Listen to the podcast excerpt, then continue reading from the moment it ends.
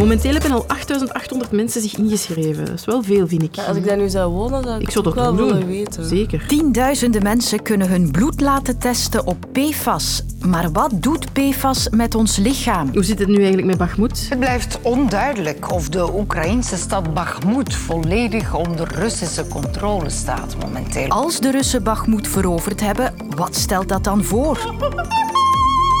En we duiken achter de coulissen van de Koningin Elisabeth-wedstrijd. Dat had ik niet beter kunnen doen. Welkom bij het kwartier met Sophie van der Donkt. In Zwijndrecht stonden vandaag tientallen mensen in de rij voor een bloedprik. Mocht uw hand hier goed leggen, ja. Mocht anders even zo doen dat je vingers goed warm hebben. Ja.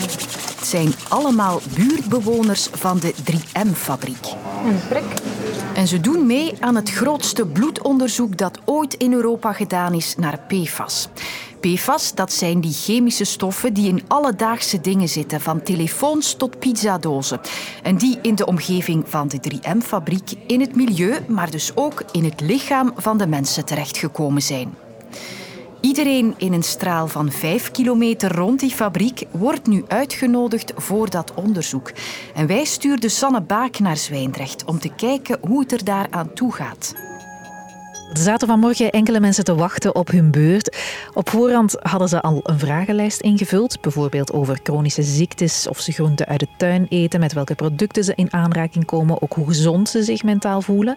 En dan binnen in het centrum wordt nog gewicht en lengte gemeten en wordt er ook een bloedstaal afgenomen. En hun bloed wordt dan getest op 16 PFAS-stoffen. En over twee weken krijgen deze mensen dan hun resultaat. En dat kunnen ze dan met hun huisarts bespreken of met die speciaal aangestelde PFAS-preventie medewerker. Nu spraken buiten ook iemand die zei: Goh, Ik weet eigenlijk liever niet wat er in mijn bloed zit, dan maak ik mij ook niet ongerust. En het agentschap Zorg en Gezondheid begrijpt die redenering wel. Laat daarom ook de optie om mee te werken zonder dat je je resultaat zelf te zien krijgt. Want met alle stalen hopen ze conclusies te kunnen trekken welke effecten PFAS kunnen hebben op je gezondheid.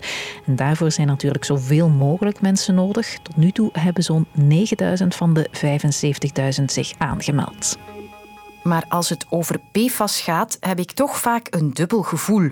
We maken ons zorgen, maar aan de andere kant weten we eigenlijk niet goed wat het met ons doet. Dat klopt inderdaad voor een deel. Hè. Dus ehm, we weten eigenlijk weinig met zekerheid. Dit is dokter Hilde van de Malen van het agentschap Zorg en Gezondheid.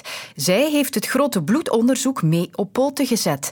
En ik hoop dat zij me wat harde feiten kan vertellen over de effecten van PFAS. Ja, dat hoop ik wel. Ja, dat ik u eh, goed ga kunnen vooruit helpen. Ik zit met drie vragen. 1. Wat weten we tot nu toe over de effecten van PFAS op mensen? Er is wel al, al heel wat wetenschappelijk onderzoek eh, verricht. Hè, en dus daar zien we wel dat er verbanden worden vastgesteld tussen PFAS en bepaalde gezondheidseffecten.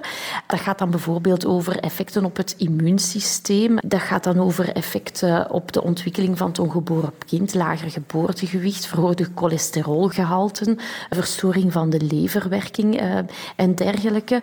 Al die verbanden ja, die zijn dan wel vastgesteld bij mensen, maar dan zijn er nog heel veel verbanden die uit dierstudies komen, hè, waarbij dat we niet zo goed weten van, goh, vinden we die ook terug bij de mensen.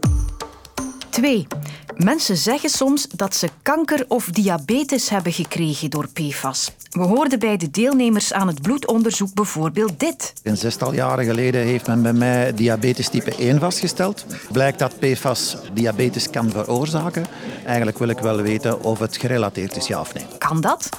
Nee, dat kunnen we niet zeggen momenteel. Het klopt ook inderdaad dat er al onderzoeken zijn gebeurd waar dat ze verbanden hebben gezien tussen PFAS en bepaalde kankers. Maar om nu echt te zeggen, we zijn er zeker van, dit is echt een kankerverwekkende stof. Nee, we kunnen niet met zekerheid zeggen, dit is uh, kankerverwekkend. Diabetes is inderdaad een van die effecten hè, die al zijn bestudeerd, maar dat is nu niet zo een, een duidelijk effect, zo de link tussen PFAS uh, en diabetes. Dus nee. En het is zeker zo, die studies zijn dan voor groepen van mensen. Hè. Op groepsniveau kan je dan wel de link vinden hè, tussen PFAS en bijvoorbeeld verhoogde cholesterol. Hè. Dus daar is wel een duidelijke link op groepsniveau. Maar op individueel niveau dan gaan zeggen van ja, mijn verhoogd cholesterol, dat is echt veroorzaakt door PFAS. Dat gaat gewoon niet. Dat, dat kan niet. En drie, wat kan dit grootschalige bloedonderzoek ons dan leren? We gaan proberen verbanden te zoeken tussen PFAS-blootstelling en de bronnen van PFAS en effecten van PFAS. We hopen daar uh, inderdaad nieuwe wetenschappelijke gegevens uit uh, te halen. Eigenlijk uh, voornamelijk om ook richting te geven wat betreft dan die gezondheidseffecten voor het epidemiologisch onderzoek dat later zal volgen en ook voor de gezondheidsopvolging die we de mensen in de regio willen aanbieden.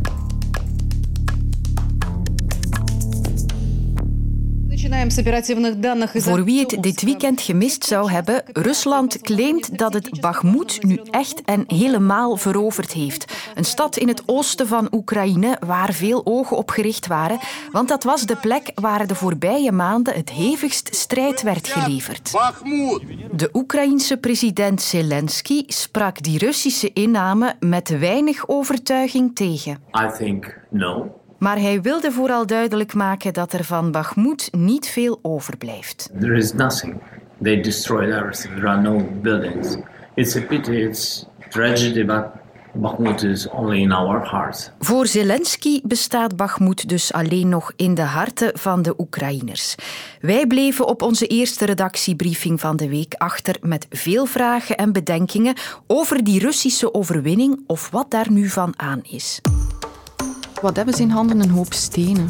Waarom investeert je daar negen maanden in die stad waar niets meer van overschiet? Hetzelfde voor Oekraïne. Hè? Onze westerse bril stond wel heel hard op, want als Oekraïne Bakhmut terug had veroverd, hadden we iets anders gezegd. Hè? Plots is Bakhmut niks waard, terwijl we daar wel al weken over aan toeteren zijn hoe belangrijk ja. Ja, Bakhmut is. En nu heeft Rusland het in handen om oh, Bakhmut. Ja, maar heeft Rusland het in handen? Want, want we blijven wel zeggen, laat er geen twijfel zijn, Rusland heeft onze stad niet bezet. Dag Marijn Trio. Dag Sophie. Misschien is die laatste vraag van Katrien nog het eenvoudigst om te beantwoorden. Hebben de Russen Bakhmut nu ingenomen of niet? Eenvoudigste vraag zou ik niet zeggen. Ik kan het ook moeilijk van op afstand zien. De Russen beweren van wel. De Oekraïners beweren nog altijd niet helemaal. Het lijkt erop, volgens analisten, toch dat de Russen alle gebouwen, alle appartementsgebouwen in Bakhmut in handen hebben. Daar werd echt straat voor straat, gebouw voor gebouw voor gevochten maar dat de Oekraïners wel nog ja, stukjes rond de autosnelwegen die naar Bakhmut leiden in handen hebben en dat ze zich vermoedelijk uit die laatste gebouwen van Bakhmut hebben uh, weggetrokken. Dus dat ze het bewoonde of vroeger bewoonde deel van Bakhmut, dat de Russen dat in handen hebben, maar dat de Oekraïners wel nog de invalswegen uh, controleren. Ja, bewoond is die stad niet echt meer. Die stad ligt in puin. Um, wat zijn de Russen daar dan mee?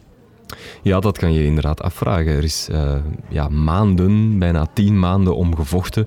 Als je de beelden ziet, staat er eigenlijk, ik denk, geen enkel appartementsgebouw nog recht. Uh, dus ja, kan je inderdaad afvragen, wat hebben de Russen hieraan? Strategisch is ze van weinig tel. Het is niet zo dat ze nu vanuit Bakhmut heel gemakkelijk andere belangrijkere steden zoals Slavjansk of Kramatorsk in eh, de Donbass kunnen innemen. Um, dus ze hebben een hoop puin waarvoor ze heel veel uh, verliezen hebben geleden. De Russen zouden daar tienduizenden militairen hebben verloren uh, om, uh, om die stad in te nemen. Misschien is het dan eerder in het voordeel van de Oekraïners die daar ook tijd hebben gewonnen door die strijd daar zo lang te leveren. Dat is waarschijnlijk ook de Oekraïnse strategie geweest. Hè. De Oekraïners hebben inderdaad intussen de Russen daar vastgepind, zou je kunnen zeggen. De Russen konden niet op andere plaatsen ook offensieven starten, ook aanvallen. En intussen hebben de Oekraïners zich ook kunnen voorbereiden op dat tegenoffensief dat al heel lang wordt aangekondigd. Ze hebben zich kunnen bewapenen. Het Westen heeft heel veel nieuwe wapensystemen gestuurd naar Oekraïne. Er zijn uh, brigades, dus uh, legerbrigades, uh, groepen militairen gevormd die opgeleid zijn om dat tegenoffensief te starten. Dat is allemaal gebeurd in die tijd dat Rusland toch hoofdzakelijk is bezig geweest met het proberen in te nemen van Bakhmut. want het is een hele zeldzame overwinning voor Rusland als het al effectief zo zou zijn dat ze de stad nu helemaal hebben ingenomen. Tegelijk misschien een uh, terechte opmerking van mijn collega Sophie. Hebben we niet de neiging als de Russen eens iets winnen om dat te minimaliseren? Ik denk het niet. Ik denk als je naar de feiten kijkt, je mag niet vergeten dat de laatste wezenlijke overwinning die de Russen hebben kunnen uh, maken was in juli. Dus dat is eigenlijk al bijna een jaar geleden. Toen hebben ze Lysychansk, een andere stad in die regio, veroverd. Maar natuurlijk mag je ook niet onderschatten dat het wel van symbolisch belang is voor de Russen. Op de Russische staatstelevisie wordt dat ook heel hard opgepompt. Uh, ik hoorde een quote op de televisie van een soldaat die zei: Onze grootvaders in Berlijn moeten zich misschien ook zo gevoeld hebben als ze de vlag planten ja, uh, bij de overwinning op de nazi's. Dus natuurlijk, dat, dat wordt heel groot gemaakt in Rusland, uh, omdat het nog eens een heel zeldzame overwinning is voor de Russen. En daarom is het natuurlijk ja, wel belangrijk voor de Russen dat dit gebeurt. Eh, hoewel het in het verloop van de oorlog eigenlijk maar een voetnoot is. Dan is het weer zo duidelijk mogelijk, zeker, hè, hoe het daar zit in Bagmoed. Dankjewel, Marijn. Graag gedaan.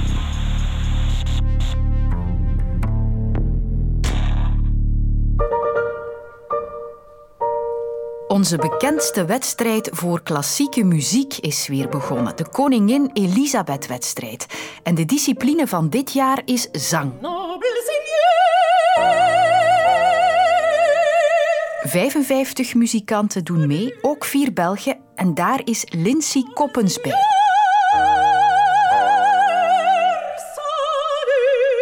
Indrukwekkend is het zeker, maar eerlijk toegegeven, ik heb weinig met klassieke muziek.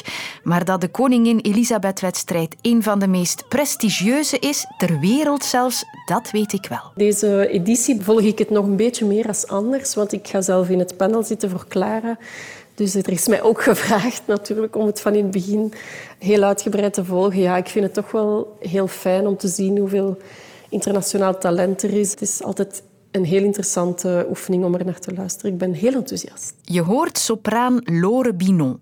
En zij legt nog even uit wat die wedstrijd precies inhoudt. De Koningin Elisabeth-wedstrijd is eigenlijk een zeer internationaal gerenommeerde wedstrijd. Die werd opgericht zeer lang geleden, al in 1937, door koningin Elisabeth. En er zijn verschillende versies van die wedstrijd. Oorspronkelijk was die enkel opgericht voor viool. En later zijn daar andere instrumenten bijgekomen, zoals uh, piano, zang, waar we nu de editie van meemaken, en ook cello. De zangeditie is, denk ik, zeer speciaal omwille van het feit dat elke zanger zijn eigen stem heeft, uiteraard. Wat toch een andere facet is dan mensen die op eenzelfde piano spelen of die een instrument um, bespelen. Dus dat persoonlijke facet zit bij de zang toch nog iets meer aanwezig. Conclusie? Veel eisende, gemediatiseerde wedstrijd die een springplank is naar een internationale carrière. De druk op onze Belgische deelnemers ligt dus hoog, dat is duidelijk. En hoe dat voelt, kon ik vragen aan iemand die er zelf nog bij was. Mijn naam is Emma Posman. Ik ben een Belgische sopraan uit Gent. En uh, ik zing al enkele jaren internationaal in uh, verschillende operahuizen. Ik heb uh, ooit eens meegedaan aan de Elisabeth-wedstrijd. Ik was toen nog heel jong en misschien nog een klein beetje onervaren. Ik was toen 22 een van de allerjongste deelnemers toen. En Emma neemt ons mee achter de coulissen van de Koningin Elisabeth-wedstrijd.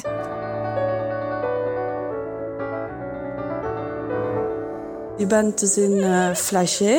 Maar het is niet zo dat je daar met alle zangers zit te wachten. Nee, want die tijdslots, dat is allemaal goed uitberekend. Backstage met je pianist kan je nog een beetje je eigenlijk wat afzonderen om nog wat dingen door te doen. Dus je kan eigenlijk zorgen dat je een beetje geïsoleerd bent. Want dat kan wel heel moeilijk zijn als je overprikkeld zou zijn. Ja, iedereen is daar aan het praten en zo. En dan moet je zingen, dat zou moeilijk zijn. Dus ze zorgen er echt wel voor dat je de nodige privacy hebt. Was wel een heel indrukwekkende ervaring. Er komt ook veel bij kijken, bijvoorbeeld als Belg. Dat was toch bij mij het geval waar ik niet op was voorbereid. Is dat normaal als ik een wedstrijd deed? Want ik heb redelijk wat wedstrijden gedaan, maar eigenlijk altijd vooral in het buitenland. En dan doe je dat anoniem.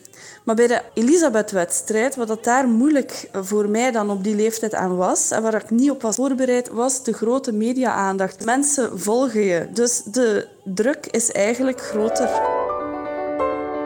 Je doet het voor de zang. Als jonge zanger sta je eigenlijk helemaal niet stil bij ben ik nu iets elitair aan het doen. Uiteraard, uh, je staat daar wel in een, in een mooi kleed, in een galajurk en zo. En het is wel een chique bedoeling. Maar eigenlijk zijn die concerten best toegankelijk. Vaak komt daar dus bij kijken dat je dus echt al verschillende mensen kent. Bij mij was dat ook het geval, omdat ik al internationaal eigenlijk vaak meedeed aan die dingen, dan kom je mensen terug. Dus er ontstaan inderdaad wel vriendschappen. Ja, je komt dan ook wel eens in een productie met die personen en uh, dat kan dus wel heel leuk zijn.